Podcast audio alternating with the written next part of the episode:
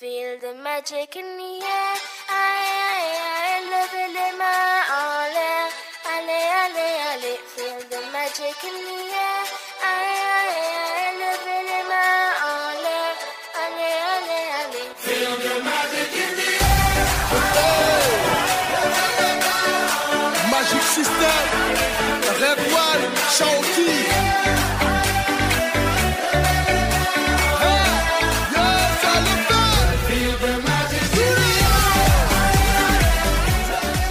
Ek onthou opgewonde Suid-Afrikaners in 2010 oor die FIFA Wêreldbeker sokker eindtoernooi was. Nou is dit Qatar se beurt en ek is hier in Doha waar ek staan by Brad Habana. En hy is in beheer van 'n interessante aspek in die ontwikkeling van die nie net die uh voetbal nie, maar ook die hele visie, die 2030 visie, die hele aanloop en oploop en uh die afloop daarna. So fantasties om jou raak te loop hierso as 'n Suid-Afrikaner wat 'n prominente rol speel. Hoe opgewonde is die Qataris al oor uh, in November en Desember wat voorlê, Brad?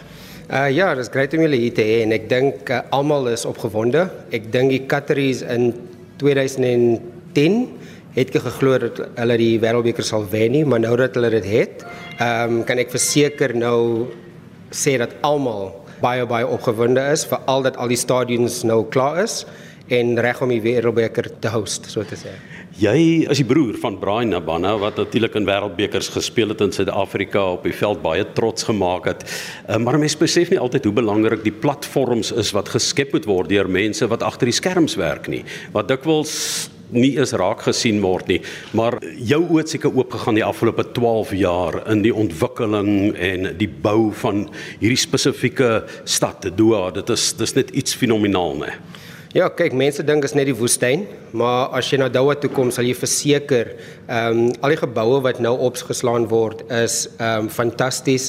Ehm um, ek weet nie hoe sê 'n mens creatively amazing, maar hoe hulle lyk is net iets anders. Jy kan omtrent soos 10, 17, 20 ander lande hierso sit en sê o, maar hierdie gebou lyk net soos die die Statue of Liberty in New York. Verstaan jy? So alles wat gedesign geword op die oomblik is net next level vir hierdie ouens. En ek dink Katte is op die op die voorvoet in terme van almal wat gesê hulle is nie reg om die wêreldbeker te host nie, maar ek dink verseker as jy hierso is en jy kom na die wêreldbeker toe, gaan dit verseker een van die beste wees in die wêreld. Moet sê jou Afrikaans is nog uitstekend want dit is natuurlik wat jy hier praat. Ek gaan jou nie Arabies laat praat nie, maar uh, sê gou vir ons hoeveel stadions en wat maak hierdie wêreldbeker sou jy sê in 'n netedop anders um, in terme van die visie en die infrastruktuur. So op hierdie stadium is daar agt stadions wat al klaar reg is en elke stadion het um, AC lugverkoring uh, in die stadions en die infrastruktuur in terme van die paaie en die en die railnetwerk alles is al klaar reg vir mense. Ons het al agt stadions oopgemaak en elke een is al getoets. En uh, dit is baie baie bereikbaar, né? As jy dink aan sê maar Suid-Afrika waar ons so opgewonde was, maar Kaapstad, Durban, Gebega, jy gaan na Nelson Mandela Bay toe, dan gaan jy dalk Johannesburg toe en jy moet daar gaan by Soccer City gaan kyk en Soweto gaan kuier. So dit is 'n ongelooflike ervaring om wil ek amper sê binne 4 ure in Doha te kan inkry. Dis fenomenaal.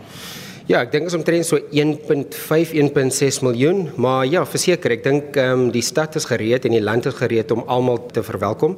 Akkommodasie gaan nie 'n uh, probleem wees nie en ek dink ehm um, almal gaan baie verras wees dat hulle omtrent so 3 wedstryde op een dag kan gaan sien. Die grootte van die stadions? Daar's 6 wat uh, 40000 is, een wat 60000 is en een wat 80000 is. Die Al Bayt Stadion is uh, 60000 en hy gaan die opening uh, seremonie hou, die opening wedstryd en die uh, Al Lusail Stadion is 80000 en hy gaan die uh, hy gaan die finale wedstryd wys.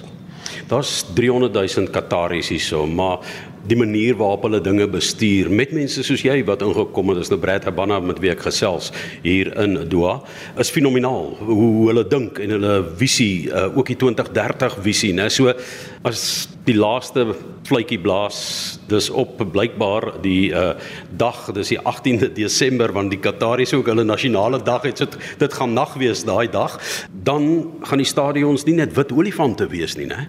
Glad nie. So Rasabud uh, uh Stadion 974 wat hulle dit noem, um, hy gaan na die Wêreldbeker uh, afgeslaan word en al die ander stadions is, ekskuus my Engels is uh, modular. Modular beteken gedeelte van die stadion gaan afgebreek word en na ander lande toe gestuur word en um, ja, so daar's geen white elephants na 2022. En dan die kapasiteit verminder, maar dan is dit meer toeganklik want kyk 'n leë stadion met um, sê maar nou hy vat 80000 en jy sit met 20000 is nie lekker nie. So dis baie slim gedoen dat dit steeds gebruik kan word um men hierdie uh, pragtige Arabiese perde wat hier is, hulle het hierdie uh, sportsoorte wat 'n bietjie kleiner is, maar wat um kleiner skares kan trek dan maar dan lyk dit na 'n vol paviljoen, dis baie slim baie baie slim en ek dink dit maak sin want dit verminder die koste op sekuriteit, op skoonmaak en en en. So die visie is veral 12 jaar voor die Wêreldbeker. Ek dink die Qataris het hom op die kop geslaan. Kyk, ons was trots Suid-Afrikaans en ons is weer trots dat jy is as 'n verteenwoordiger ook van Suid-Afrika om